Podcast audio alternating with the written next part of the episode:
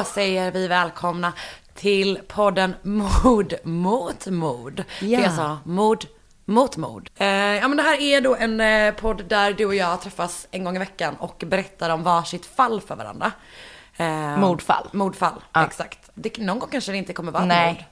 Men Alltså, jag, jag tror tror att kanske att det kommer kanske vara mest mord. Ja, jo men exakt. Någon gång kanske vi kommer ha så att den kommer byta namn till Försäkring mot försäkringsbrott. Exakt. Ja, jo, men, men precis. Eh, Fraud är mycket mer... Fraud mot fraud. Det är starkare än försäkringsbrott. Ja. Försäkringsbrott. Ja, det känns som att försäkringsbrott skulle behöva typ en makeover. Så jag tror att bara vi byter namn på det till fraud. Fraud detective kan det heta till exempel. Exakt. Så kommer det eh, få ett sånt jävla, men det blir mycket Uppsving. knulligare liksom. Mm, Hur mår du annars? Alltså jag mår ju verkligen eh, inte bra. Det är svajigt idag. Eh, det är ju för att jag tyvärr har brutit ryggen. Mm. Ehm, så det är ju inte så kul. Och när du säger att du har brutit ryggen så betyder det att du inte har brutit ryggen. Nej, precis. Men det, Vad vi vet. än. Vad vi Du har- vet Du har just inte nu. varit hos läkaren. Nej. Eh, men mycket tyder på att den är bruten. Ja, exakt. Berätta vad, vad det var som hände. Det var sån ovärdig stund. För jag halkade på toalettpapper på natten. Som är då en vad är det? powerballad Och ramlade i en trapp. Kommer du ihåg vilken låt det var som spelades medan? Men det var säkert Jag tror- Unbreak My Heart Ja. med Tony Braxton. Ja, det jag tror jag. Mm. Och så, så får jag en sån eh, jävla slow motion bild i huvudet. Unbreak my heart. Ja, det var så, Så ovärdigt. Ja. Och det har ju tyvärr inneburit att du har jätteont varje gång du skrattar. Ja, så det Eh, kommer- det är så att Anna inte skrattar åt mina skämt, mina otroliga skämt Mm. som jag drar dagarna i ända, då vet eh, ni varför. Exakt. Eh, det är ju inte det för att hon inte tycker att jag är världens topp tre roligaste människor. Men för det tycker jag att du är. Det vet du ju. Mm. Detsamma. Alltså efter mig själv. Och kungen. Och Du gillar ju kungen jag gillar ju kungen. Jag vet inte om jag ska toppa honom som ett, två. Vem är nummer två då? Jag vet inte. Nej, då är jag nummer två. Det kanske är du som är nummer två just nu. Just nu. Just nu. Nej men du är nog absolut, du kan nog vara absolut nummer två. Ja, jag kommer kämpa på med att Mm. säkra min plats där, kan man säga. Jag tänkte fråga dig en sak. Mm. Spännande. Eh, och eh, jag mår också bra, tack snälla som frågar. alltså, jag, jag kan inte ens liksom Och nu försöka. börjar du gråta nu. Jag kan inte ens liksom, varför är jag så egotrippad? Förlåt, hur mår du Karin? Jag bara, kul, har du ett helt frågebatteri där med frågor riktade till mig? Spännande. Hit mig. Eh, Jag är en sån snubbe. också att det, det typ rimmar lite bra med sin, eller jag är lite så känslosam idag känner jag. Åh. Eh, och det är inte, för jag är inte bakfull, för att jag är så fucking tråkig. Jag drack folköl igår, det är liksom det närmsta kul jag kommer. Eh, men eh, ibland på söndagar kan jag ändå känna mig så himla känslosam. Så lyssnar jag på Pet- Peter Dokumentär om nazistattacken i Kärrtorp jag på vägen hit. på den. Och eh, när jag satt på tunnelbanan hit. Och så kollade jag på ett klipp typ från den händelsen. Och då fällde jag en tår. Jag För att det var någonting, först så blev jag så rädd för att det är liksom folk som står och heilar och typ skriker. Alltså det, det är så jävla jävla obehagligt. Det är typ det läskigaste som finns. Eh, men sen så blev jag så himla rörd av att höra de här, inga nazister på våra gator. Så då, eh, ja, fällde en tår. Gud vad fint. Tack. Eh, Vill du att vi ska gå in och, och prata, prata mord? Ja, det tycker jag låter som en ganska kul idé. Jag var ju med i PP3 och fick prata om My Favorite Murder. Ja, vilket var så härligt. Ja, det var jätte, jättemysigt. Jag blev jätte, jätteglad för det. Men då var det typ att en... Garvade också när du hade sönder micken. Ja, paja, pajade micken. Första jag gjorde när jag kom in. Jättekul. Ja, det var tråkigt. Eh, men eh, då lyssnade typ min kollega Kasper. Och typ att han sa det efteråt. Han bara, du är ju helt obsess vid mord. Bara, det är jätteobehagligt. Man glömmer liksom bort att folk tycker att det är, är weird. I know. Men det är för att folk inte förstår. Det är inte, som sagt, alltså det, är inte det att jag vill typ... Jag vill inte ha någon kontakt med serien. va? Eller förstår du vad jag menar? Det är liksom inte den typen av... eh, Du vill ju det. Men at this point så tar du vilken kille som helst. Nej, skoja. Taskigt. Ja, jag vet. Det var taskigt. Det var verkligen ett slag under bältet. Nu kör vi bara. Nu kör, vi, nu kör vi bara. Uh.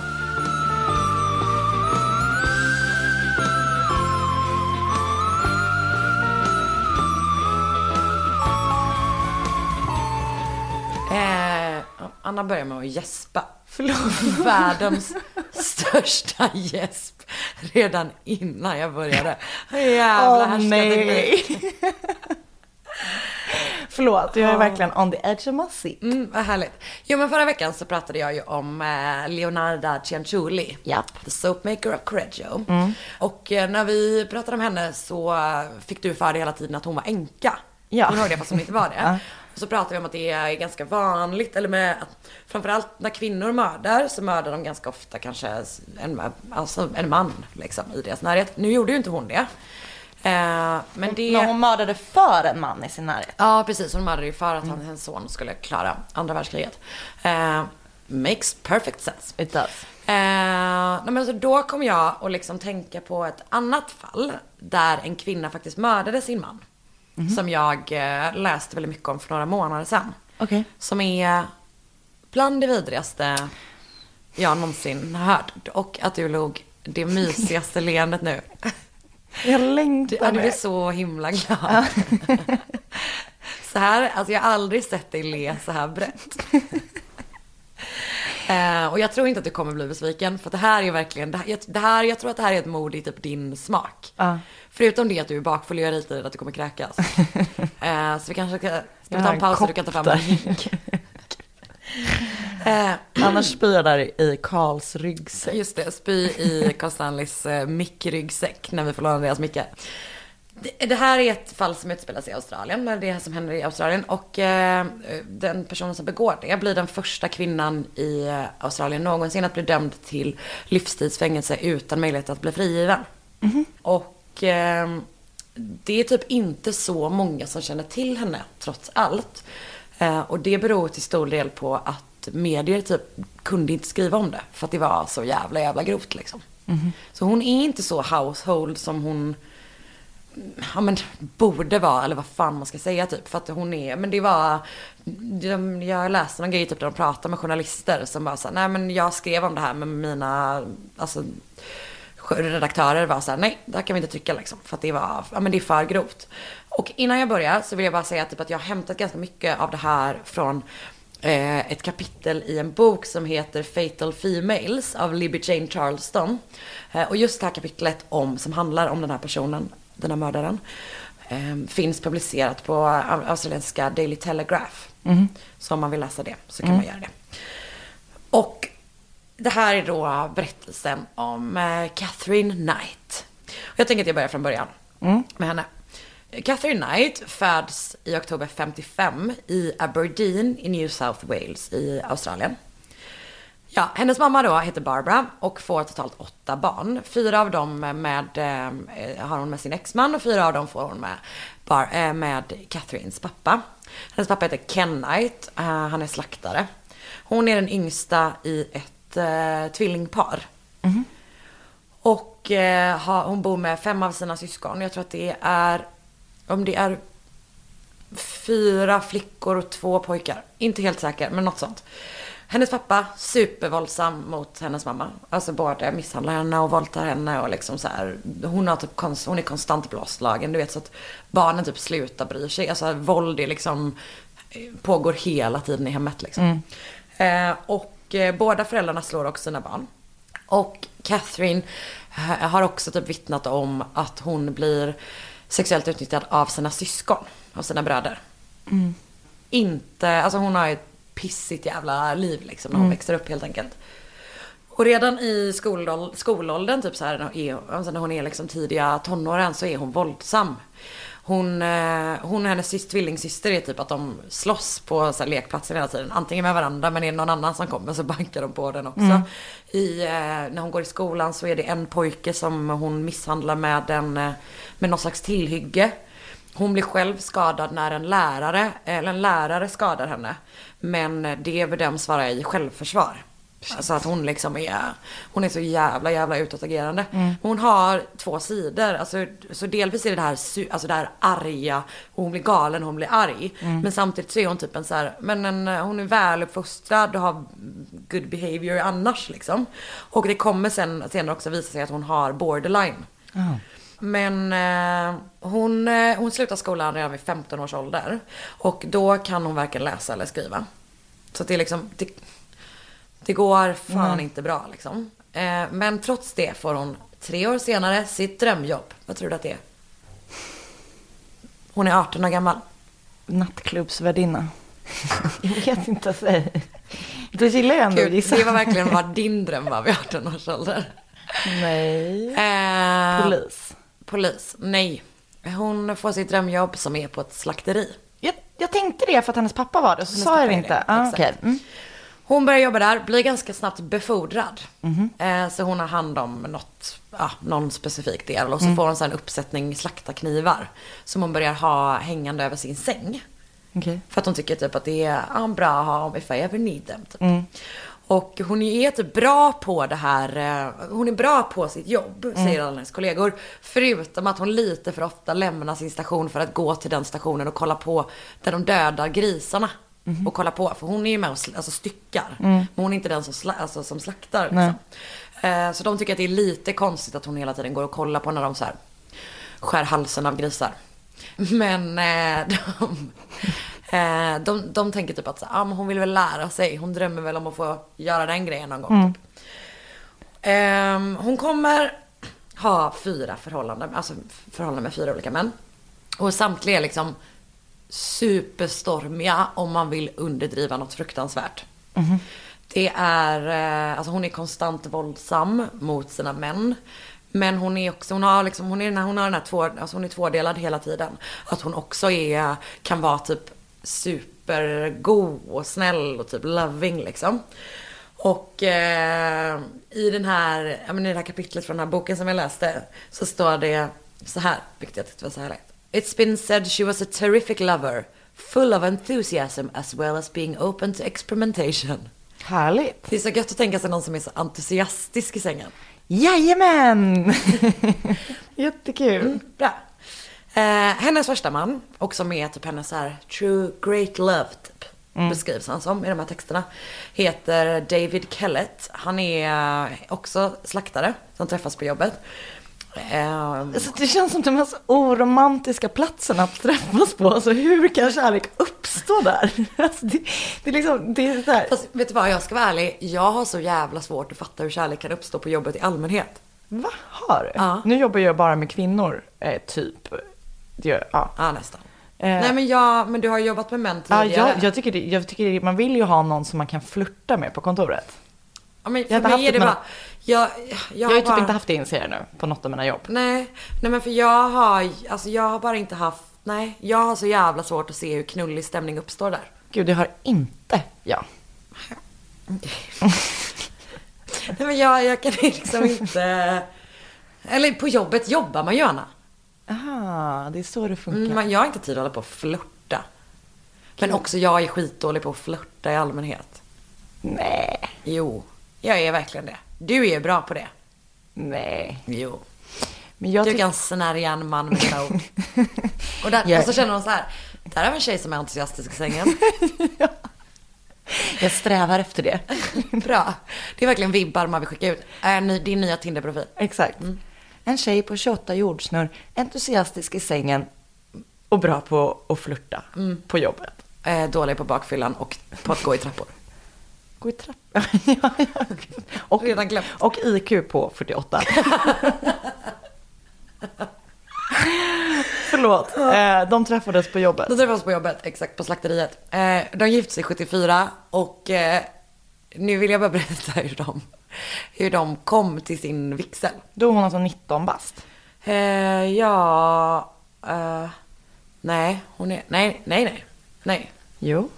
Hon är född 55. Ja, Ja, då, då är jag 19 år. oj, varför är jag så dålig på Verkligen, vem är det som har IQ på 48 egentligen? min, min Tinder-profil. Eh, också entusiastisk i sängen. Eh, Jag måste alltid komma direkt efter dig i utbudet. Också entusiastisk i sängen. Tyvärr också för IQ på 48. Dricker bara folköl. Eh, inte sant. Inte sant. Inom parentes, det där sista var inte sant. Tur att jag inte är Jag singel. skulle precis Jag säga, tur att du var kille. Det är verkligen sant. Det är verkligen ett eh, mirakel. Nej, det är det inte. Det är, ja. Nu fortsätter vi. Hon var så underbar.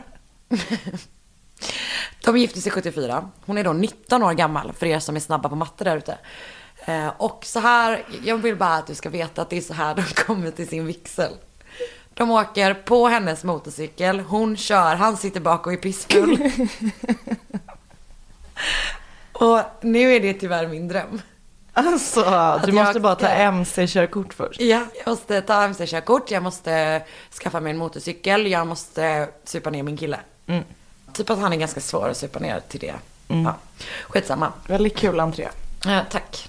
Eller nej, det, det kan du säga till oss när, vi, när det väl händer. Ja. På bröllopet så säger Barbara, alltså Catherines mamma, säger till David så här. You better watch, watch this one or she'll fucking kill you. Stir her up the wrong way or do the wrong thing and you're fucked. Don't ever think of playing up on her. She'll fucking kill you. Säger då svärmor på bröllopet. Bröllopsnatten, eh, de har knullat tre gånger. Sen somnar han. Hon tappade för att han eh, somnade efter tre, tre varv. Eh, så han vaknar av att hon eh, sitter på honom och tar stryptag på honom. Men gud. Också tre gånger. Ja men bara överhuvudtaget. Ja, nej men alltså jag tar inte stryptag på den. Nej, det är klart man inte ska göra det. Men tre gånger var väl bra. Efter en lång bröllopsnatt. Han var ju full redan när han satt på motorcykeln. Verkligen. Det är superimponerande. Skitsamma. Eh, hon är typ så här, emellanåt är hon en jätte, jättebra fru. Eh, men sen så har hon ju då superaggressiva perioder. Och nu tänker jag att jag ska ge lite exempel på olika saker som hon eh, gör under deras relation. Hon eldar upp alla hans grejer. Hon slår honom i huvudet med ett strykjärn. Det- Detta för att han kom hem 30 minuter senare än vad han sa från en darttävling. Han, hon vak, han vaknar en natt av att hon sitter på honom med en kniv i handen och skrattar och säger tänk vad lätt det skulle vara att döda dig. När han väl lämnar henne för en annan kvinna. Gud, att eh, han vågade det. Ja, strax efter att deras första barn har fötts. Då eh, placerar hon spädbarnet på ett tågspår. Det blir eh, räddat typ, med några, med några minuter innan tåget kommer så är det någon som hittar det. Eh, och sen så drar hon runt, när hon har gjort det så drar hon runt på stan och hotar, folk att döda folk med, hotar att döda folk med en yxa. Eh, ett par dagar senare efter det eh, så attackerar hon en kvinna med kniv och tvingar henne att köra till Queensland där eh, David bor med sin nya kvinna. Men kvinnan lyckas fri, fly när de är på en, typ en, men en bensinmack. Då tar hon en hel familj som gisslan på den här bensinmacken. Och man tror att det blev just den macken för att de hade gjort service på Davids bil som han använde för att liksom lämna henne. Men polisen kommer och lyckas här, ja men, ja, mm, alltså manövrera, vad heter det? Ja, man, skitsamma. Ja, ja. Han, de tar henne. Eh, Hon läggs in på, eh, på psyket. Men eh, när David får höra det, att det här har hänt, då tar han med sig sin morsa och flyttar hem till henne igen. Lämnar den nya tjejen. Och typ bara, ah, här får vi göra en insats liksom. Det Eh, var väl bra eller? Jo, fast hon, hon skulle till Queensland för att döda David. och istället han bara, nej men du ska inte behöva resa dit. Jag kommer hem istället hjärtat. Jag tar med mig mamma som du också ville döda. Så, så slipper du eh, pendlingen. Mm. Inte riktigt rimligt. Men som sagt, hon är nog jävligt, jävligt manipulativ liksom. Antagligen. Och de får ett, hinner få ett barn till innan de, slutliga, eh, innan de gör slut 1984. De har tillsammans i typ 10 år. Nästa person, David, David Sanders, eh, blir hon ihop med typ direkt efter den första David. Två stycken David på rad nu. Och han är typ en jättesnäll och lugn man som så här älskar hundar. Och vet du, nu ska jag berätta en jättehemsk grej för dig. Inte om de döda hunden. Okej, du får berätta. Ska vi avbryta på den? Nej, du får Och det här var... Tack för att du har lyssnat. Ja, hon, eh, hon mördar... Hon skär halsen av hans Nej. Usch. Eh, nej jag vet, det är skit, ja jätte, jättehemskt. Och det är typ bara för, att, bara för att hon gör det. Sen misshandlar hon honom och typ spräcker revben och du vet, så han har konstant... Alltså, ja, så. hur, hur, eh, hur ser hon ut den här människan? Mm, jag skulle säga... Mm, hon är lite svår att beskriva. För emellanåt ser hon typ ut som en tant som jobbar på kommun. Har Men hon- emellanåt så ser hon... Vänta, okej så här. Har hon landstingsfrilla? Eh, nej, men om du tänker dig mer 80-talsversion av det. Ja. Typ. Om du tänker dig eh, en, en 80-talskvinna som jobbar på kommun kombinerat med Charlize Theron när hon är, spelar monster. Det är henne jag tänker på hela Ja, tiden. men hon är inte alls så långt gången liksom. Nej. Utan det är så här, det är mitt emellan de två. Okej. Kombinera Mm. de två, så ser hon ut. Ehm, Ja. Sen så eh, gör hon, gör hon och David Saunders slut. Hon blir tillsammans med John Chillingworth istället, också slaktare. Det är så jävla knullig stämning på de personalfesterna. Eh, så det är... Jag tycker att det är så kallt på ett slakteri. Gud, typ, blir jag singel, då Då jävlar. vet vi. Då jobbar du på Scans slakteri. typ. Ja, absolut. Ja. Luktar köttbullar hela dagarna. Man får ju vara tillsammans med någon som luktar lika äckligt som man själv gör. Det är ju därför. Det måste vara det. Gud vad äckligt. Mm, jag vet. Mm, Men nu är det så att jag och min framtida man kommer lukta köttbullar. Och det får du bara acceptera. Gud vad du hade slutat umgås med mig. Nej. Jo.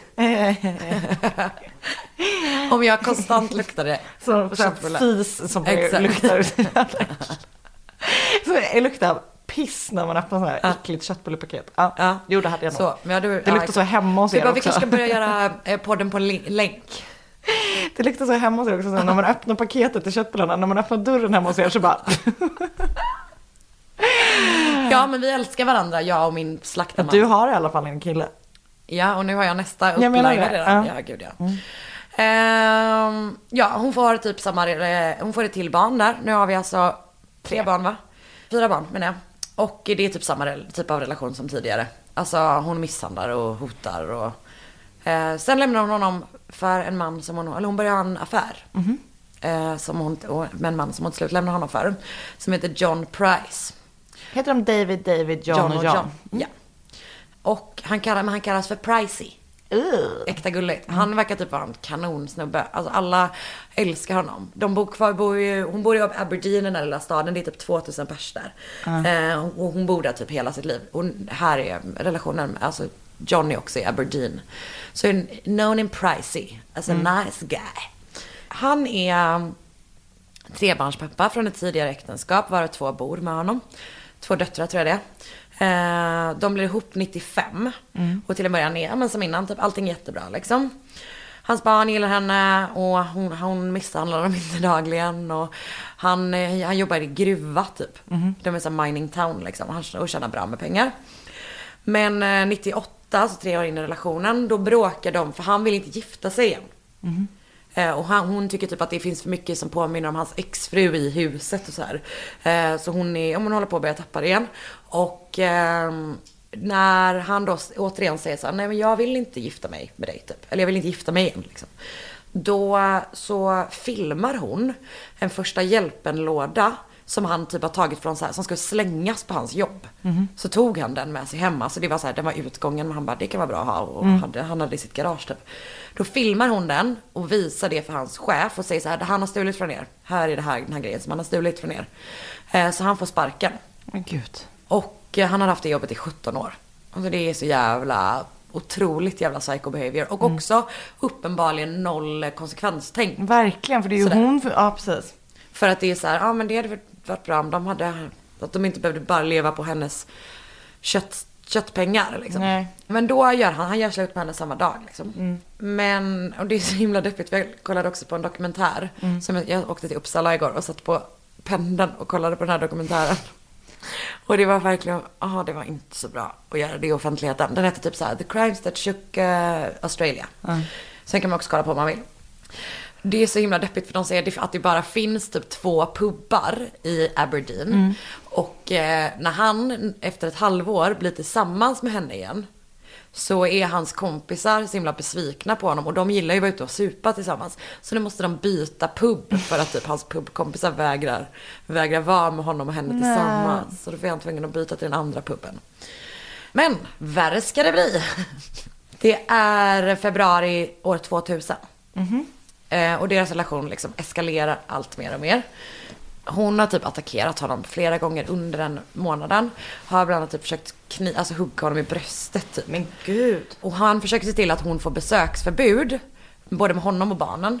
Men hon säger typ att han slår henne. Så då tror polisen på henne och det blir besöksförbud åt andra hållet. Men hon bor ju kvar hemma hos honom. Det är skitkonstigt. Men det är väl det här vanliga, typ att man inte tror att, att kvinnor kan vara en Nej. fara för män. Vilket ju är så jävla fuckat liksom. Och han säger typ till sina kollegor, han bara, om jag inte kommer till eh, jobbet en morgon så eh, ring polisen. Liksom. 29 februari så plockar hon upp en filmkamera. Skottdagen. Exakt, precis. då plockar hon upp en filmkamera hos sin syster som hon har lämnat där flera månader tidigare. Sen åker hon till sin eh, ena dotter och, och eh, typ filmar sig själv när hon hänger med sitt barnbarn. Och så säger hon I love all my children, I hope to see them again. Typ. Så i efterhand har man börjat så här, hmm, vad var det som hände där? Typ. Mm. Eh, Det är lite, hon beter sig konstigt och också att hennes, hennes dotter tycker att det är väldigt konstigt för hon bjuder ut henne på, till att äta kinesmat. Vilket ju, hon, hon var tydligen inte en sån mamma som tog med på restaurang Nej. så ofta. Och sen så frågar hon om hon får lämna sina två yngsta barn med hos sin dotter över natten. Och det får hon då. Samma dag som det händer så pratar Pricey då med sina kollegor och säger, säger typ att så, "Ah, om jag inte kommer till jobbet imorgon så har jag blivit mördad. Och eh, då säger de så här, nej men åk inte hem då. Nej, verkligen. Men då är han rädd att hon ska ta hans barn och göra någonting mot dem istället. Han kommer hem, inser att eh, hon har skickat barnen till, eh, men på så här, övernattning hos någon kompis. Hans barn också. Ja men det är hans barn. Exakt. Ja, ja. För hon lämnade ju sina barn Ja, hos exakt, eh, dottern. Så hans, hans barn har, har hon skickat iväg på att sova över hos en kompis. Han går till sin granne och är där till typ 11 på kvällen. Säger till grannen, ser du min eh, truck här imorgon bitti? Alltså när jag borde ha gått till jobbet. Så ring polisen liksom. Gud vad sjukt. Mm, jag vet. Eh, han går hem igen, går och lägger sig. Eh, hon kommer hem lite senare, typ kollar på lite TV. Eh, och sen så går de och lägger sig och de har sex. Och sen somnar han igen. Tidigt dagen efter så inser då grannen att så ja men bilen står kvar. Så han ringer, alltså jag tror klockan är sex. Man börjar jobba pisstidigt i en gruva liksom. Eh, gissar. Men ja, alltså redan klockan sex så tänker han så här, ah, det är konstigt att bilen är kvar. Ringer polisen. Och likadant hans eh, kollegor ringer också. De, jag tror att till och med att de går dit och typ tycker att det ser konstigt ut. Jag tror att de ser blod liksom. Polis, så polisen kommer redan klockan åtta. Och eh, i den här dokumentären jag såg så typ pratar poliserna, de intervjuar poliserna som var där. Och de har, är fortfarande liksom, alltså en typ börjar gråta när de pratar om det och så här, de är liksom eh, fortfarande skakade av, och det är den kanske, det kanske var 15 år sedan då liksom. De kollar in i huset, eh, ser, eh, men ser blod liksom överallt. De ser typ en, en, vad de tror är en gardin hänga för typ, men de ser, de ser ändå liksom, ja men blod i hela huset. Det är så jävla jävla mycket blod. Så de bestämmer sig för att gå in. Och då stöter en av poliserna emot det här, vad de tror är en gardin. Och får blod på sin arm. Och inser då att eh, det är ju inte en gardin, utan det är, ja det här är så vidrigt. Det är liksom en människas hud. Alltså en hel människa. Du ser hår och liksom ansikts... Jag sa ju att det här var, jag är ledsen. Kommer du kräkas nu? Nej men shit. Alltså det Men är det så tunn hud eller? Jag vet inte faktiskt. Eh, Men det är, ja, alltså du ser att det är en människa liksom. Fan vad äckligt. Ja, ja det är bland det äckligaste jag har hört. Alltså just att de bara, you could see facial features Så, ja, så. Sen fortsätter de in i huset. De går in i vardagsrummet och där sitter liksom rester av en kropp som i en, alltså uppställt i en fåtölj med korsade ben eh, och typ handen runt en så här flaska, en tom flaska. Så du kan, men det är ju inget hud, det är ingen hud på personen i fråga. Det är heller inget huvud. För huvudet, eh, ja men huvudet är inte där.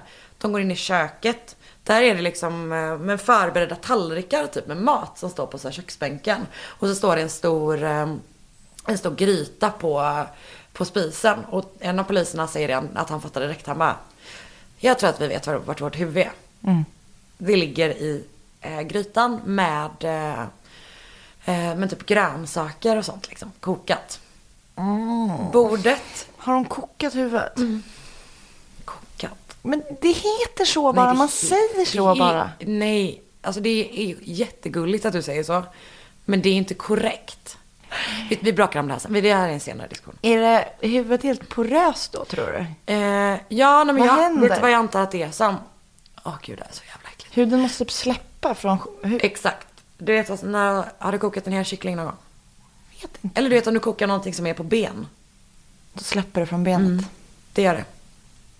Jag, grejen är att jag tror inte man ska tänka för mycket på det för jag tror att man kommer bli galen då. Tydligen så är vissa delar, stora delar av typ det filmade materialet från brottsplatsen är fortfarande hemlighetsstämplat för att de tycker inte att någon ska se det för att man blir skadad av det typ. Eh, men du, det är lite mer läskigheter också. Vill du höra? Eh, ja men de hittar där och som sagt de hittar tallrikar med typ så här som är, men det är typ kött och potatis och grönsaker och typ eh, sås och så här. Eh, bordet är dukat. På bordet eh, så ligger det placeringskort med hans, alltså Pricys barns namn på. Och hon har också skrivit lappar, typ, alltså det står lappar också som är så här, riktade till dem liksom. På en, eh, ett foto på Pricey så står det en otroligt felstavad eh, lapp. Men det står så här. Mm, Time got you back Jonathan for raping my daughter. You too Beck, vilket är eh, hans dotter. For Ross, for little John. Now play with little John's dick, John Price. Så att det, det är ju helt enkelt en lapp som på otroligt dåligt språk försöker få det att låta som att han har våldtagit, eh, våldtagit eh, personen som har skrivit frågans dotter. Och eh, hans dotter ska ha våldtagit någon son liksom. De letar igenom huset och i sovrummet hittar de då Catherine. Djup i djup sömn. Hon ligger och sover. Hon påstår direkt att hon inte minns någonting av vad som har hänt. Ja men, och som sagt, det är liksom, eh, alltså sån extrem, extrem brottsplats. Att det är så här, de säger att det är blod överallt. Det är blod från ena änden av huset till andra. Han har blött ut i en, så att det är liksom en stor fläck med typ en gånger två meter liksom. Det är såna sjuka mängder blod och det är överallt liksom. Högt och lågt. Och eh, så var det så kul i den här dokumentären. För då är det en av de här poliserna som är så australiensare, du vet.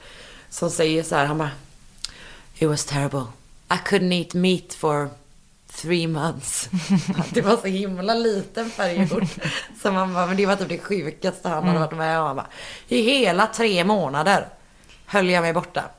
Okej, nu tänker jag att jag ska berätta hur händelseförloppet har sett ut under den här kvällen. Eh, Catherine Knight väcker då, efter att de, de har knullat, han har somnat om. Hon väcker honom senare genom att knivhugga honom. Det här är natten till första mars. I bröstet, i sängen. Han lyckas ta sig liksom ut och sen så är det typ, du vet, så några tumultartade minuter. Där hon attackerar honom utav bara helvete och han försöker fly. Och han tar sig typ ner och han, kommer, han lyckas till och med öppna ytterdörren. Och ta sig ut på verandan och så blir han tillbakadragen. Så hon måste vara så stark. Ja men du vet en sån otrolig jävla ilska liksom. Eh, så här arg är hon. Hon har knivhuggit honom totalt 37 gånger. Många av dem sker efter att han är död. Alltså förstår du? 37 jävla gånger. Det är så fruktansvärt grovt våld. Ja, det är helt, helt sjukt. Efter att han är död tar hon bilen till närmsta bankomat. Vilket råkar ligga alltså, en timme tur och tur. Som sagt, en liten, liten stad liksom. Där hon tar ut tusen dollar på hans bankomatkort. Sen kör hon tillbaka. Hon lämnar bilen på henne, för de bor inte tillsammans då. Eh, Så hon lämnar bilen på sin egen parkeringsplats. Och eh, går tillbaka till hans hus. Där börjar hon då med att flå hans kropp. Och hon är ju slaktare. Hon har jobbat med det liksom. Det är så här, det, de sa att, eller jag läste att det, det var ett så här så bra, stora citattecken, jobb. Att eh, rättsläkaren kunde liksom få på huden igen. Alltså det var inget Åh, sluta! Förlåt. Vill du att jag slutar? Åh, Vill du att jag slutar? nej. Vill du att jag fortsätter? Ja. Okej. Fortsätt bara. Rasande.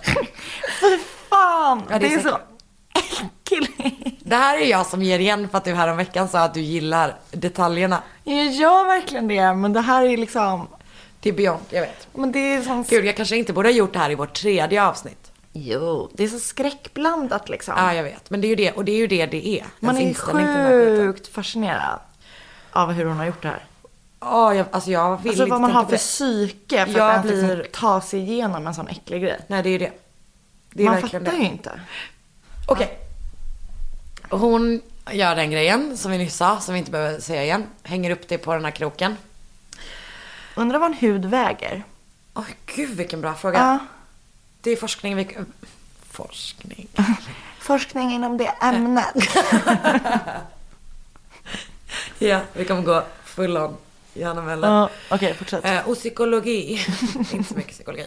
Jag säger, jag, nej, jag kan kolla upp det tills eh, nästa vecka. Jättegärna. Med Hedvigs hemförsäkring är du skyddad från golv till tak oavsett om det gäller större skador eller mindre olyckor. Digital försäkring med personlig service, smidig hjälp och alltid utan bindningstid. Skaffa Hedvig så hjälper vi dig att säga upp din gamla försäkring. Hedvig Hemförsäkring, ett klick bort. Aj, aj, aj, det kluckar i rören.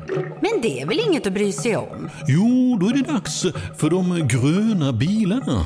Spolarna behöver göra sitt jobb. Spolarna är lösningen. Ah, hör du? Nej, just det. Det har slutat. Ehm, ja, hon eh, ehm, halshugger honom också då. Lägger huvudet i en, den här grytan med grönsaker och så och gör liksom en äcklig gryta på det helt enkelt. Hon skär av hans skinkor. Nu spänner jag mina egna skinkor. Bra. Du måste träna dem. Va? Tills när du blir dödad. Menar du att jag har saggig rumpa? Nej, jag menar bara att den personen som ska döda och äta dig Ja. ska få Mört. mört. turkey butt cheeks. Hon skär av dem, lägger dem i ugnen. Också med grönsaker. Alltså hon bryr sig ändå ganska mycket om vitaminer och sånt och det är bra. Det är bra. Eh, hon lagar gravy. Hon lagar någon slags sås där. Dukar bordet då med de här placeringslapparna. Skyltarna för hans barn. För planen är ju då egentligen att men hon har någon så här sjuk idé om att hon ska Bjuda sina, alla hans barn på. Ja, exakt. Sen arrangerar hon då det som var kvar av kroppen. Du vet här att han sitter i en fåtölj liksom.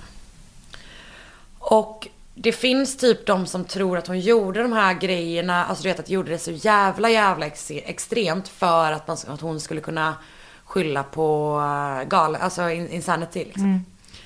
Eh, att det är typ att hon aldrig planerade att bjuda barnen på det utan att det var liksom en, eh, en del i hennes försvar. Men å andra sidan, gör man den grejen så är man ju så. Är man inte direkt frisk. Hon, kom- hon påstår jättelänge att hon inte minns någonting av händelserna. Och eh, hon försöker typ er, alltså i rättegången eh, så erkänner hon... Förlåt, när var det? 2000? 2000. Rättegången är 2001. Alltså det är så nyss också. Jag tycker typ att det känns som ett, eh, jag, alltså det känns som ett 70-talsmord på något sätt. Jag vet inte varför. Men För jag ser också framför mig att grönsakerna är såna här små morötter, du vet, Ja. som, som burk. Jag ser verkligen framför mig, det är verkligen 70-tal.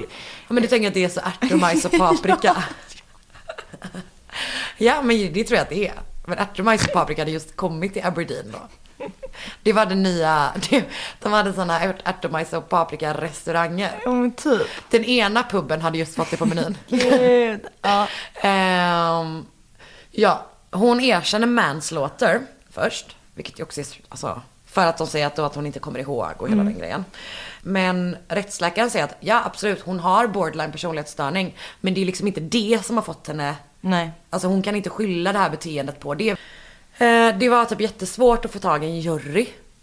För att, delvis för att man, man hade möjligheten att ursäkta sig själv för att materialet var så känsligt, det som skulle visas. Och sen så när han typ presenterade listan på vittnen, det var ju en sån liten ort liksom. Men du vet, det var så, det var så litet så alla hade, men det var väldigt många som hade en relation till liksom, någon typ. Så att till slut så erkänner hon sig skyldig trots allt. Alltså till eh, mord liksom. Och behöver, ja, blir då den första kvinnan i Australiens historia att dömas till livstidsfängelse utan möjlighet att någonsin bli frisläppt. Okej. Vad var det jag skulle researcha? Hur mycket en hud väger. en människa. Det här är så jävla äckligt. Min kusin har jobbat på en eksem... eh, En, eh, hon är sjuksköterska, hon är barnmorska nu. Men hon jobbade på en avdelning för eksem. Man kallar ju liksom huden för en hudkostym. Nej. Alltså det är så äckligt. Åh, nej. Jätteäckligt. Ja, det var... Ja. Fortsätt. Gud, du ska alltid vara värst. Här har jag berättat det äckligaste jag någonsin hittat. Men det där var ändå Så äckligare. bräcker jag det med en hudkostym. Ja. Hon är idag 62 år gammal. Det vill säga inte så jävla gammal. Nej. Hon sitter på eh, Silverwater Women's Correctional Center i New South Wales. Och där jobbar hon tydligen med att göra hörlurar. Nej, jag ska köpa nya. Gör de för Apple? Vi borde kunna kolla upp vilket märke hon gör för.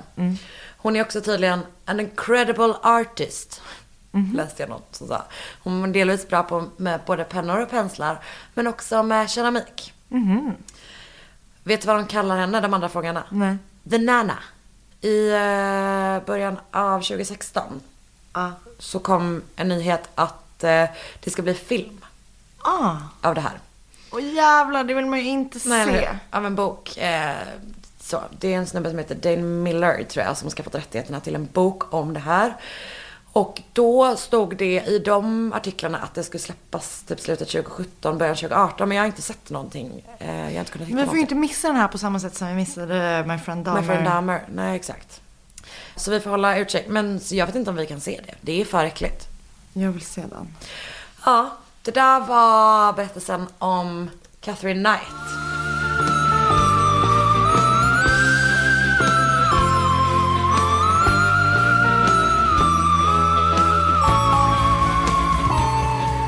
Ja, nu känns ju mitt då helt plötsligt som en väldigt easy breezy mode jämfört med det här. Men egentligen är det också ganska grovt eller? Det är ganska grovt också. Jag har ju eh, tagit ett annat, eh, en annan väg än förra veckan. Det är inte ett svenskt mord, det är inte ett så nytt mord heller. Eh, och det är en mördarduo. Da-da-da. Jag börjar. År 1941, 29 september, i. Mu- Mu- Kom igen nu, håll i. Much Markle i Hereford... Säg, försök, du klarar det. Much Markle i. Her, Herefordshire. Herefordshire. Cheer. Jag bryter ihop. Gud. Jag gråter nu alltså. Kan du Okej. säga vad det heter? Men jag får se den. Skicka hit. Nej, du får inte se. Du stavas H-E-R-E. Ford Shire. Med Herefordshire kanske. Ja, i England är det i alla fall. Vänta, ta det från början, säg bara England. Eh, Och 1941, den 29 september, i England föds Fred West. Eh, Fred West är näst äldst i en syskonskara av sex personer. Eh, Han uppväxte också- upp i ett eh, hem där eh, det slogs mycket. Det var vanligt förekommande med sexuella övergrepp av olika slag. Ja. Pappan hade sexuella relationer, har jag skrivit, alltså incest, med hans eh, systrar, med Freds systrar. Och pappan lärde även Fred som barn att utföra tidelag. Mm, vet du vad? Vet du det här? Du kan det här? Nej, jag kan inte, men jag vet vilket det är. Och jävlar, we're in for a fucking ride alltså. Ja. Men det tycker jag är typ, liksom, Vänta, det är typ... vänta, vänta. Jag måste bara spola tillbaka och reagera superstarkt på det du precis sa om tidelag. Ja. Pappan lär honom att ha tidelag. Ja, Med vad? kettle.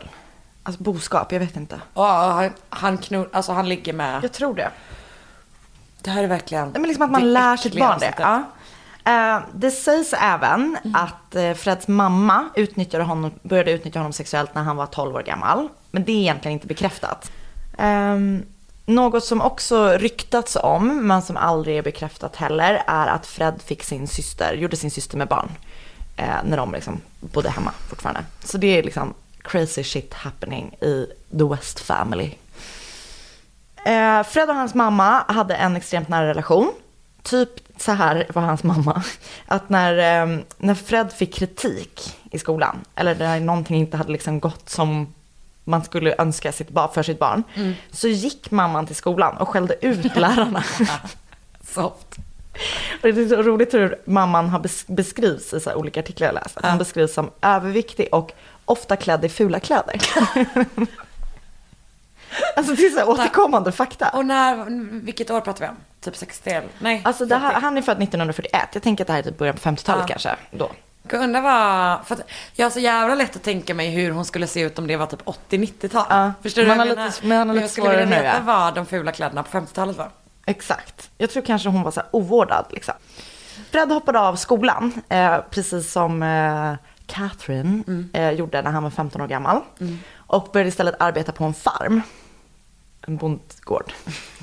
när han fyllde 16 där, så blev han också mycket snyggare och blev mer attraktiv för tjejer. Så han då blir liksom, han blir en eh, Player. player, ladies man. Play around the town. Exakt. Men när han är 17 år så är han med om motos... os- som det heter, motor En motorcykelolycka. Och efter olyckan då, motorcykelolyckan, så hamnade han i koma och de opererade in en stålplatta i huvudet och hans ena ben blev permanent kortare. Hur mycket? Det vet jag inte. Men han får ju då en härlig, liksom, han blir lytt. Ja. Ehm, så efter den här olyckan så blir ju han inte en lite mycket argare person, vilket man kan förstå. Men han får då aggressiva utbrott på att liksom, det triggar att han liksom blir en arg människa. Men tror du inte också att det finns den här grejen att man, eh, eller ganska många mördare har ju fått ett typ eh, slag mot huvudet. Ja. Skulle kunna vara en Absolut. sån grej. Mm. Hittade jag på. Eh, två år efter den här bil eller motorcykelolyckan eh, blir Fred skadad igen. Eh, för då får han för sig att han ska stoppa upp handen innanför en 13-årig tjejs kjol. Han greps för ofredande av henne efter det. Men han slapp fängelse. Eh, för att, eh, det här är så konstig anledning, men en läkare hävdade att han led av epilepsi. Så att eh, det var som Vänta, så det var en spasm som... typ. Alltså jättekonstigt att det är liksom anledningen till att han Att slapp det var fängelse. såhär, någon satte på, han var på en klubb. Ja. Någon satte på, du vet, strobben. Och då bara... Uh. Ja. Ja, så gick det till.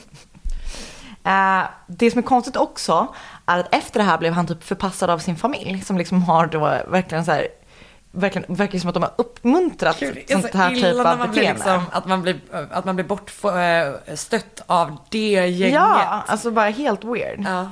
Eh, så han fick bli skickad att bo hos sin syster då, som är antar vuxen liksom. Ehm, och så eh, jobbar han, det, det, det är massa turer fram och tillbaka, så oviktiga grejer egentligen. Men han flyttar tillbaka till sin familj när han är 21 år gammal igen.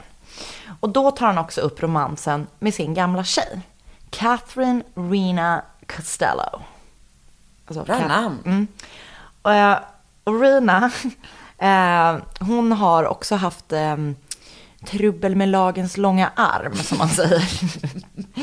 och hon har då typ börjat, när de dejtade första gången så var hon så här petty theft och typ så här småtjuvs, liksom, stal små grejer. Men nu har hon avancerat och börjat syssla med prostitution. Men de dejtar och så här, när de dejtar så eh, väntar Rina redan barn med en annan man. Som är ehm, från han är pakistansk man. Så att eh, de bestämmer sig för att behålla barnet. Men eftersom de, folk då liksom, mycket märklig historia det här. Men de bestämmer sig för att säga att det barnet har dött och att det här barnet som är hennes biologiska barn är ett adoptivbarn. För att... Eh, För att det inte ser ut som, Som Fred. Ja. Eh, Så de behåller barnet i alla fall. Eh, Och sen efter ett tag så flyttar de så småningom till Skottland. Fred och Rina och deras barn som heter Charmine, tror jag om jag inte missminner mig. Och då, Fred och Rina, ehm, han kräver sex från henne varje dag. Står det också. Rimmel. Verkligen. Men han är inte intresserad av vanligt sex. Men han typ eh, gillar lite så här bondage sex typ. Eh, Eller nej, han gillar inte BDSM. Han gillar att vara ett as mot sin fru. ja, typ så. Jag vill verkligen. Mm. Det är viktigt att göra sådana gränsdragningar i sådana här tider. Verkligen. Tack. Verkligen. Jag har precis Eh, utsett mig själv till talesman för BDSM-partiet. BDS, verkligen. Också jag har så jävla lite BDSM-intresse. Det skulle du verkligen veta. Säger du nu ja. När de bodde i Skottland så jobbade Fred som glassbud. Och de säger det att där fick han ju så kontakt med mycket liksom, unga människor. Eh, men deras vistelse i Skottland eh, tar slut för att Fred kör på en fyraåring Med glassbilen. med glassbilen. Ja, För det finns ju inget läskigare än en person som man vet kommer bli mördare som kör glassbil. exakt. Alltså det är det obehagligaste. Jätteläskigt. Som finns i hela, hela världen. Så då tog de till sitt pick och pack och flyttade till Glo- Glos- Gloucestershire. Ja. Det är som sån här Gloucestershire. Exakt. Gloucestershire. Där han, hör och häpna, fick jobb på ett slakthus. Han får jobb på ett slakthus i den här staden dit de flyttade. Och det, de, eh, Fred och Rena har inte ett superäktenskap. För att Fred har typ ett wandering eye. Och blir även ihop med Renas kompis Anna McFall. Och Anna blir med barn och tycker att Fred ska ta ut skilsmässa från Rena. För det har han inte gjort. Utan han har bara blivit ihop med hennes polare och gjort henne med barn. Soft. Men det tycker han är en dålig idé. Så istället mördar han henne och styckar henne och begraver henne. McFall. Mm. Va? Hon bara, hon sa, jag är gravid, ska inte du ta ut skilsmässa? Han bara, nej men däremot så kommer jag döda dig. Och efter det, kort efter det här så träffar han Rose. Just det. Fred Rose West, eller hur? Ja. Rose West, born knee name Letts, är född i Devon. Hon är också uppväxt i ett abusive hem där hon också blivit utsatt för sexuella övergrepp av sin pappa. Ehm, hon beskrivs ofta som inte särskilt smart och lite överviktig. Gud, min Tinder-profil. Eh, vilket ledde till att hon ofta blev eh, retad liksom, i skolan och så här. Och hon reagerade på ett extremt aggressivt sätt. Precis, det är lite likt eh, Catherine-fallet. Du pekar på mig, jag bara, jag trodde du menade att det var lite likt mig. Nej. Ehm, så hon var också liksom utåtagerande, slogs och grejer. När hon blev tonåring så blev hon också sexuellt aktiv. Eh, men eh, hennes pappa förbjöd henne att träffa jämnåriga pojkar. Alltså 15-åringar. Så Okej. hon eh, träffade äldre män i deras kvarter. Vänta, vad är det för sjuk regel? Nej, jag fattar inte heller. Ehm, pappan, det är väl för att han typ vill ha henne för sig själv, men hon typ lurar honom. Eller vet så här, tror att hon, jag, vet, jag fattar inte. Det Nej. är helt bisarrt. Hon har också blivit påkommen um, när, med att ha krupit ner i sin lillebrors säng. Och typ har smekt honom liksom, på ett sexuellt sätt. Ja, skitäckligt. Ehm, och ehm, och hon då träffar äldre män och pappan är ju liksom abusive. Och när Rose var 15 så fick mamman nog och tog med sig barnen och eh, drog från pappan. Men Rose flyttade så småningom tillbaka till sin pappa. Eh, de måste ju ha haft någon så här Ja. super weird relation. Och kort därefter så träffar hon Fred. Hur gammal var hon? 21? Nej, hon var, alltså, hon var fem, så att hon är, hon är typ 18 kanske. Okej. Mm. Och Roses pappa tycker inte om Rose och Freds relation. Och han åkte upp repade gånger till den här trailerparken där de bodde och hotade Fred. De bodde tillsammans i en sån... eh, Mm. Men eh, den gubben gick inte. Utan eh, snart fick eh, Fred och Rose ett gemensamt barn. Då har ju Fred två barn Fast det ena är inte hans då. Det ena är barnet som de har hittat på är adopterat. Ja. Ja. Men han har hand om barnen. Ja. Även det liksom hans tidigare barn. Jag vet inte exakt vad mamman är. Nej. Eller alltså hon Rina. Men hon han, kanske har... Det kanske gått åt helvete för henne ännu mer än för honom. Ja, eh, för eh, Fred och Rose bor då med två av Freds barn. Mm. Sen det här äktenskapet med Rina och då deras egna första gemensamma barn, Heather. Så de bor, eh, och Rose är hemsk mot hans tidigare barn och slår dem och liksom hatar dem typ. Och ehm, eh, en dag 1971 får Rose en knäpp och dödar Charmaine. Som är då barnet från hans första, ett av barnen från hans... ehm, Men det känns som att det är... Alltså jag förstår att de här två personerna har levt i typ extrema förhållanden.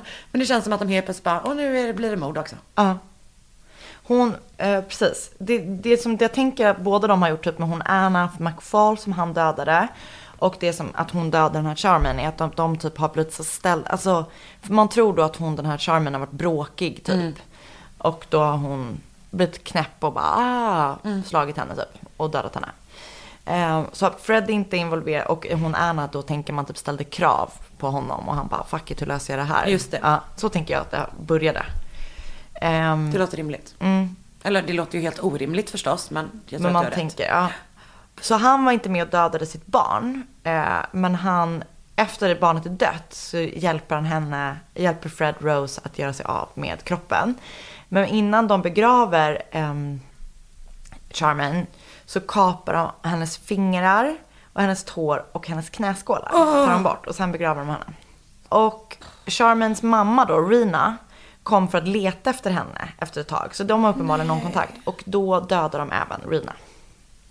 Okej, så än så länge är det typ sån här... ehm, Eh, men än så länge är det mord som de gör för att typ så här, eh, för att någonting kommer i vägen för det de Ja. vill. Helt enkelt, eller hur?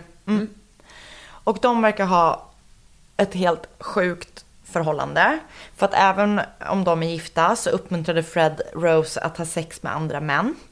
Både mot betalning, alltså liksom, eh, Prostitution. ja, men också för skojs skull. Och Fred tittade gärna på. Eh, han typ gjorde så här peepholes in typ där, där hon hade sex. Ja men helt eh, sjukt faktiskt. Och när de väntade sitt andra barn eh, så, behöv, så flyttade de till ett större hus.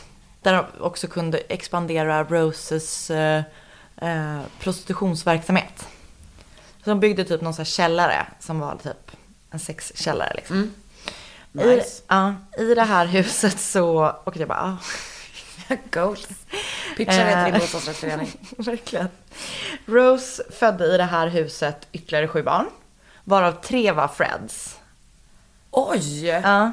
Eh, och man tror att i alla fall något av barnen är hennes egen pappas, Pappas. barn. För de fortsätter också ha ett incestuöst förhållande. Även Ah, om hon det är vuxen. Mm. Det är för vidrigt. Eh, så att tre är Freds barn och tre eh, är, eller fyra av de här barnen är liksom Det är så sorgligt Oklart. att tänka att det är så mycket barn där. Jag vet, det är så jävla hemskt. Det är verkligen så jävla vidrigt. Och 1972 eh, anställer de en barnflicka. För de behöver ju uppenbarligen, de har ju sjukt många barn. Tänk på det jobbet. Ja, alltså. åh. Och de anställer henne och båda två gör sexuella närmanden på henne. Och liksom försöker så här, bjuda in henne till att liksom ha sex med dem. Och hon avböjer liksom gång på gång på gång. Ehm, Gud, alltså säg upp dig hjärtat. ja, och... Du eh, behöver inte den skiten. Nej, jag vet. Det är så jävla hemskt. Och en gång när hon avböjer så bestämmer de sig för att inte låta henne gå hem. Så de håller henne, de, hon får inte gå hem och de håller henne fången under natten. Och hotar henne att de ska låta Freds kompisar göra saker med henne. Och att han skulle döda henne om inte hon ställde upp och ha sex med dem. Och då gav hon efter. Så att hon har sex med dem liksom. Och dagen efter så släpper hon, eh, släpper paret West eh, den här barnflickan. Och hon rusar och anmäler dem. Men de lyckas övertala do- domstolen att det var samtycke sex. Så att de behöver böta 50 pund för det här. Okej, så de hade typ kunnat få fast dem lite grann för Ja. olika saker där. Men nope. Okej. Absolut, typ en kvinna som springer därifrån och är typ uppenbarligen är helt förstörd. Ja. Hon ville nog ligga. Det Ja. låter superrimligt. Med Verkligen. de två personerna. Och det, det börjar ju typ då så här, liksom att de har sexuella liksom, fantasier typ. Ja. Och under de kommande sex åren så lurar de folk typ att de har så, liksom, jobb eh, hem i sitt hem. Vad är typ, alltså. Men typ som barnflicka, typ. De lo- säger, alltså. vi behöver en sömmerska som ska komma hit och göra det här. Typ. Så de lurar folk att komma hem till dem. Bara kvinnor eller kvinnor också? Bara kvinnor. Och då dödar de här personerna. Och de har, det är minst åtta kvinnor under de här sex åren. Men kan, man vet, det kan ju vara fler. Och sen så när de då hade lurat in de här personerna så höll de dem fångna i några dagar medan de våldtog och torterade eh, tjejerna. Och Freds specialitet då som han gjorde med sitt barn som var eh, han kapade allas fingrar och tår och ibland även knäskålarna. Nej, när de levde. Nej, efter. Och sen så begravde de alla offer i sitt hem eller under eh, typ källargolvet och i trädgården. Och han typ så här låtsades att ehm, eh, de så här, arbetade på huset. För det var därför de på att gräva så mycket. Ehm, Men det är just, oj gud, just de här brottfallen när det är typ så här. Man håller folk fånge. Ja. Typ, det, och de gör så Så vidriga grejer mot de här off, stackars, stackars offren. De binder fast dem i källaren med så olika avancerade lösningar. Och en tjej, det här blev jag så, här, så jävla illa berörd när jag läste vad man gjort. De har tejpat med tejp såklart. Runt hela hennes huvud. Alltså så tätt. Men satt en plastsond i näsan så att hon kan andas. Under tiden båda två våldtar henne. Liksom i flera dagar. Hon typ binder fast henne med så här nylonrep i väggarna och så här. Mm. Eh, det är såna jävla mardröm. Alltså, ja, ja, det är tråkigt att jag inte kommer kunna sova på Nej. nätterna. jag vet tyvärr. Kunde du inte ta något lite roligt mord? Ett lustigt mord? Lust, ett lustmord Nej. menar du? eh, och under de här, den här mördarspreen som de har förgrep sig de också på sina två döttrar. Det här är också så vidrigt. De gör typ lite samma grej som mot sina offer, mot sina barn. Nej. Alltså de binder fast döttrarna i källaren också och våldtar dem. Och så säger de så här, ni ska vara tacksamma att ni är så snälla föräldrar. Som hjälper er liksom att förbereda er inför att ni ska träffa en man. Så nu lär vi er liksom hur det funkar så att ni kan plisa era män i framtiden typ. Men gud, också att jag känner så här. Du kan lära dina barn så jävla mycket saker. Mm. Cykla, läsa, vara snäll mot Mm. folk typ. Men inte ha sex, det kan de väl få lära sig själva. Ja. Ehm, så de är vidriga, vidriga, vidriga människor. Och Fred var ju då en så kallad kåkfarare sedan gammalt liksom. Och eh, även då under tiden eh, Förlåt, det var så roligt. Du sa att han var så kallad kåkfarare.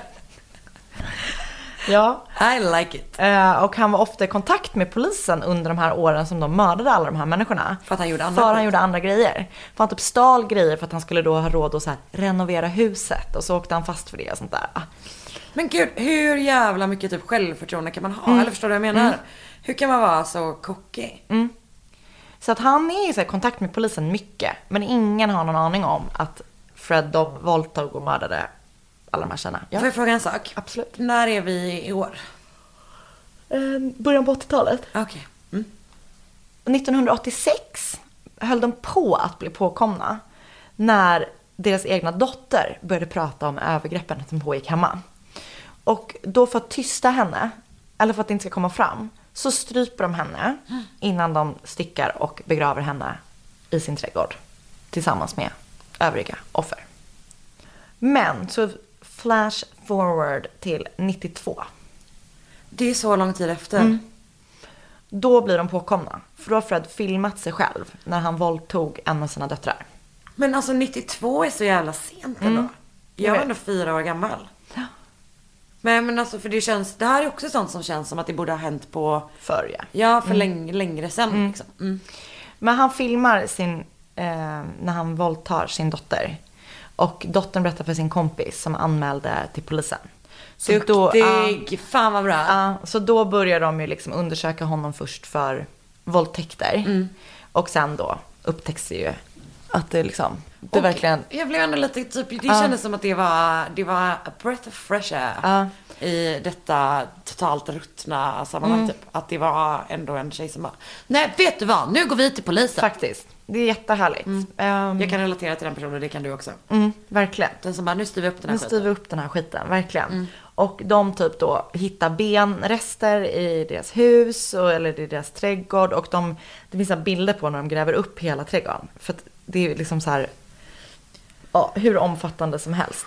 Ehm, och först så försöker ju typ både Fred och Rose friskriva sig från, nej, Fred och Rose försöker friskriva Rose från brotten. Ja, ja, ja. Och Rose tar så här jättetydligt avstånd från honom och bara oh, this is disgusting typ och så här. Um, fastän hon liksom clearly Mm. är in on it. Men eh, han blir dömd för 12 mord. Just det, för det, hon, första är hon då. Anna. Ja, Anna. Och sen så, Och sen håller det på fram till Ja. 92. men 12 mord blir han dömd för. Men han hänger sig i sin cell. Mm. Och de har så här, han har hängt sig med hjälp av lakan typ. Ja.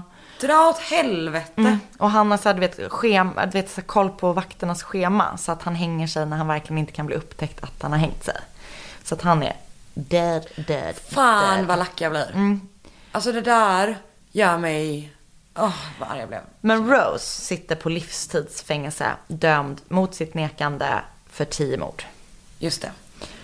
Och, eh, Så hon är och lever fortfarande. in. Ja, hon är född 55. Nej, det var din som var född 55. hon är född 53 tror jag. Vart sitter hon någonstans? Vet du det? Jag sitter skulle gissa ett eh, kvinnofängelse i Herefordshire. Sure. Jag skojar. Sure. När man säger Shire, då tänker jag på Sagan om ringen Ja, men som jag aldrig har sett. Shire. Ja. Mm. Nej, jag brukar alltid säga The Sure. The Shire. ah, Frodo from The Sure. eh, nej men hon sitter på något eh, fängelse Mm, i... ehm, Åh, gud. Och han är så misstänkt för massa andra liksom, Ja. involvement i massa andra bortföranden.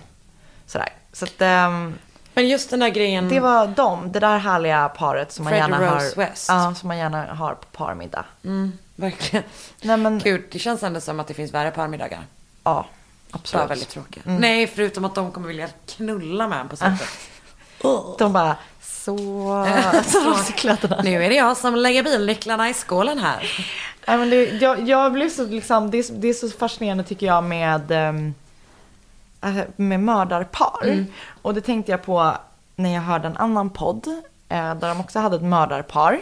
Att My Favorite Murder pratade om eh, Precis, ett australiensiskt fall. För man, det är ju det där att man tror ju inte att det är farligt med, med en man ihop med en kvinna. Nej.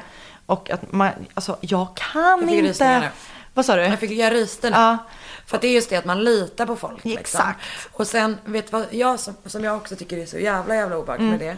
Det är hela den grejen att jag kan, för det finns ju fall där en man har hotat och typ misshandlat en kvinna att hjälpa honom att mörda. Men sen så finns det fall, och det är säkert något tvärtom också. Men sen så finns det fall där båda två är såna jävla, jävla lustmörd. Alltså bara så psykopater Mm. som har hittat varandra. Och det gör mig livrädd, Anna. Att Men hur ska man- hur kan, hur kan kommer man ens på att man har det gemensamma intresset? Hur, vet. hur liksom närmar man sig det ämnet? Du, jag Vet tänkte du vad på det är som? Det är lite grann som extremversionen av det här. Ja men det är det och det var som, det var som Karen och Georgia sa att man bara, man träffar någon som hatar samma personer som man själv gör. Ja, men liksom att man kommer på det så att man bara, gud vad skönt, här kan vi snacka skit. Men jag tänker att det är typ just den här att du vet, du vet att, man, att det kan vara lite svårt att berätta för någon att man är väldigt intresserad av mord. Alltså att det är som en extrem, Verkligen.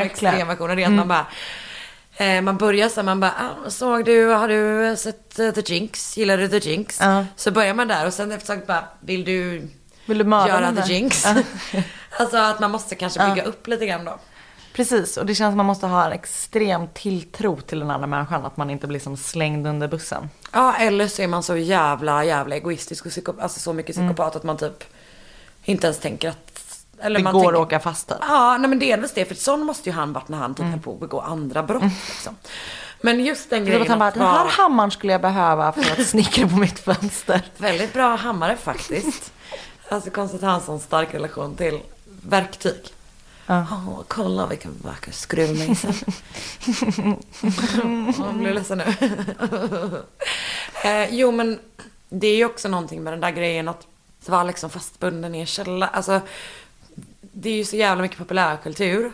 Som där det är typ någon, alltså det är ju väldigt, väldigt många typ skräckfilmer eller så som handlar om att man vaknar typ fastbunden i en källare liksom och så pågår det i flera dagar. Och så tror jag, så är ju inte de flesta morden Nej. liksom. Men just de som är det, det är likadant som The Toy Box Killer, har du koll på dem? Eh, Det är ju också ett av de vidrigaste jävla jävla fallen som finns typ. Men, ja, men det är just att de här två båda två är så äckliga liksom.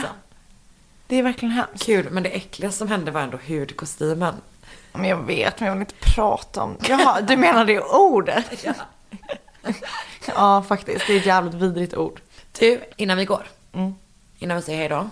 Ska jag ge dig en present. Som, Ah! du, som du visserligen redan vet att du ska få. Men ändå.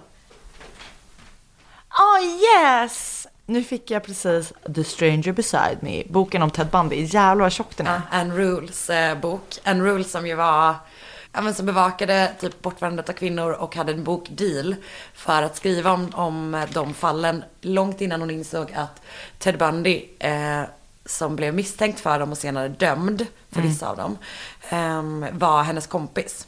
Så det där är en så här super, super klassisk eh, true crime bok. Den är skitbra. Anledningen till att den är så otroligt tjock, det är för att den är, den är ganska gammal från början. Så det är massa tillägg liksom. Ja, ah, just det, just det, just det. eh, när det har hänt nya, nya grejer. Och den var, jag tycker faktiskt att den var super, super bra. Alltså det kommer ta mig kanske fyra år att Ja. läsa ut den här. Ja men du fick den av mig nu. Tack, vad gulligt. Vad glad jag blir. Nu är vi så systrar i bok. Verkligen. Okej, tack snälla. Jag blir super, super glad. Ja, vad bra. Kul. Det ska bli intressant att höra vad du har att eh, säga. Ja. Ja, varsågod. Eh, ja, men då eh, tycker jag vi nöjer oss. Ja. Och det här var Mord mot mord. Ja. Jag heter Karin André. Jag heter Anna Sandell. Eh, och så vill vi också säga puss och tack till våran underbara redaktör, reda, redakatör, redaktör Camilla Fogelborg som hjälper oss att göra Ja. det här eh, icke olidligt att lyssna på. Eh, så puss eh, och kram och så hörs vi nästa vecka. Ja. Hej då!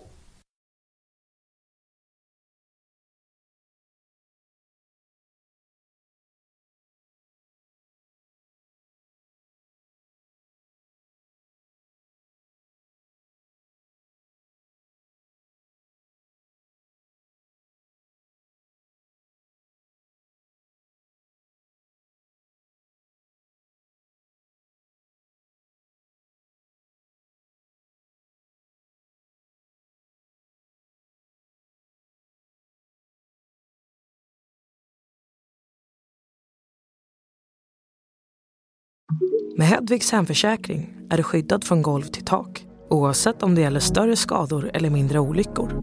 Digital försäkring med personlig service, smidig hjälp och alltid utan bindningstid.